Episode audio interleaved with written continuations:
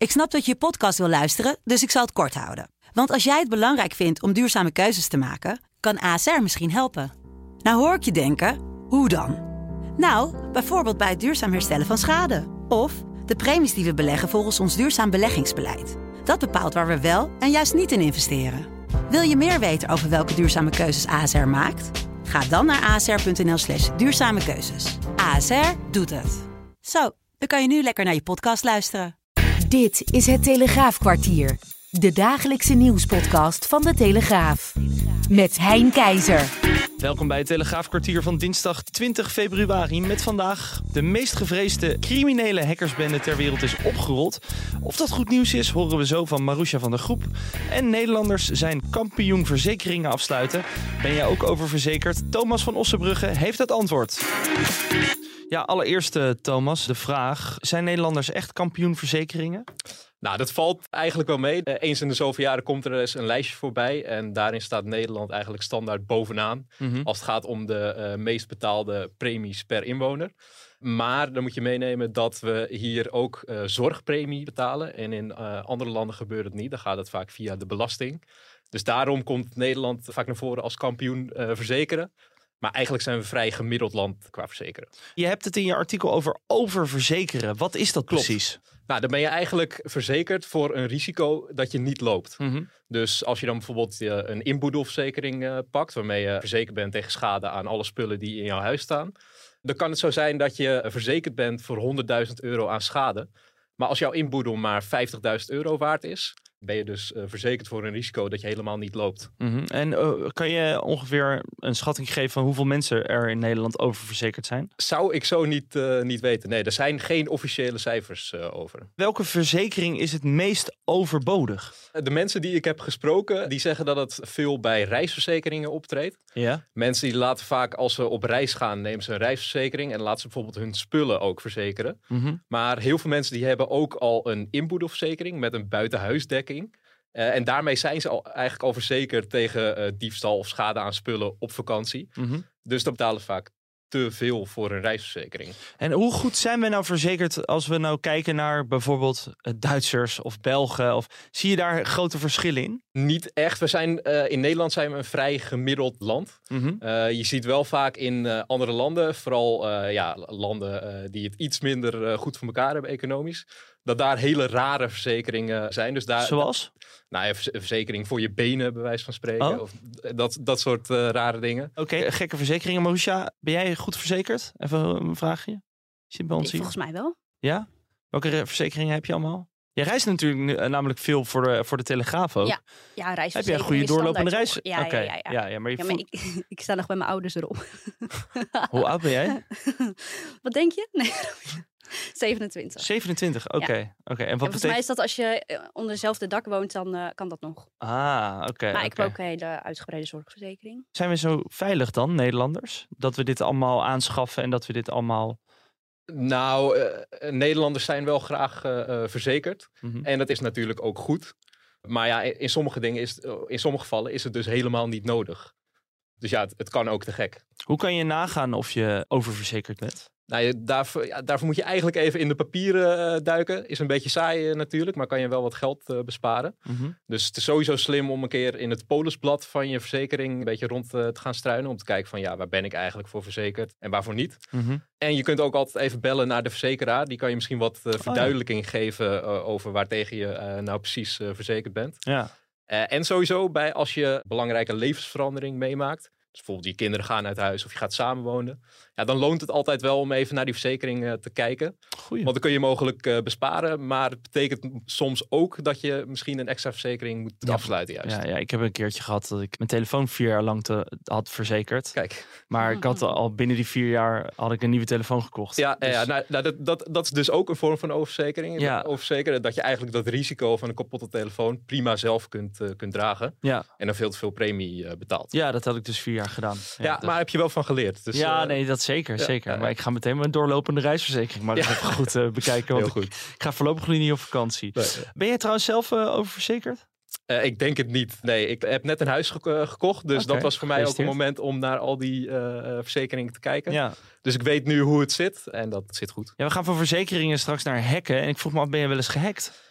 Nee, ik ben nog niet gehackt. Maar ik moet zeggen, eh, ik zou best een goed slachtoffer zijn. Want ik gebruik voor alles hetzelfde eh, wachtwoord. En, Oh, is- ja, dus ik, ik zou daar misschien iets beter op eh, moeten letten. Ja. Ja, ja nou, dat zul je niet horen hoor. Nee, precies. nou ja, je hebt in ieder geval één risico minder. Want eh, Lockbit, een eh, Russische, waarschijnlijk Russische hackersgroep, is opgerold. Marusha, is dat goed nieuws? Ehm, nou ja, in principe wel. Maar het is natuurlijk niet duidelijk of de leden van de hackersgroep ook zijn gearresteerd. En zolang dat niet gebeurt, kunnen ze in principe gewoon weer een nieuwe website beginnen. Ja, want eh, hoe, hoe gaat zoiets in zijn werk? We hebben nu de, de, de site Lockbit, die is opgerold. Als je die site bezoekt op het dark web, dan krijg je te zien dat die onder andere door de FBI en door allerlei instanties en de Nederlandse politie staat daar ook Klopt. bij, dat die het hebben overgenomen. Ja. Kan je eens vertellen wat die groep Lockbit precies is? De term Lockbit verwijst zowel naar de schadelijke software als naar de groep die dit heeft gemaakt. Mhm. En waarschijnlijk gaat het dus inderdaad om een hackersgroep uit Rusland. Ze hebben een website gebouwd waarop eh, ransomware staat. Dus dat is eigenlijk een soort gijzelsoftware. Mhm. En bereidwillige partijen kunnen dat nou ja, eigenlijk simpel uitgelegd soort van huren. En zo een cyberaanval uitvoeren op een bedrijf. En in principe blokkeert dat de toegang tot computersystemen of het versleutelt bestanden totdat losgeld wordt betaald. Mhm.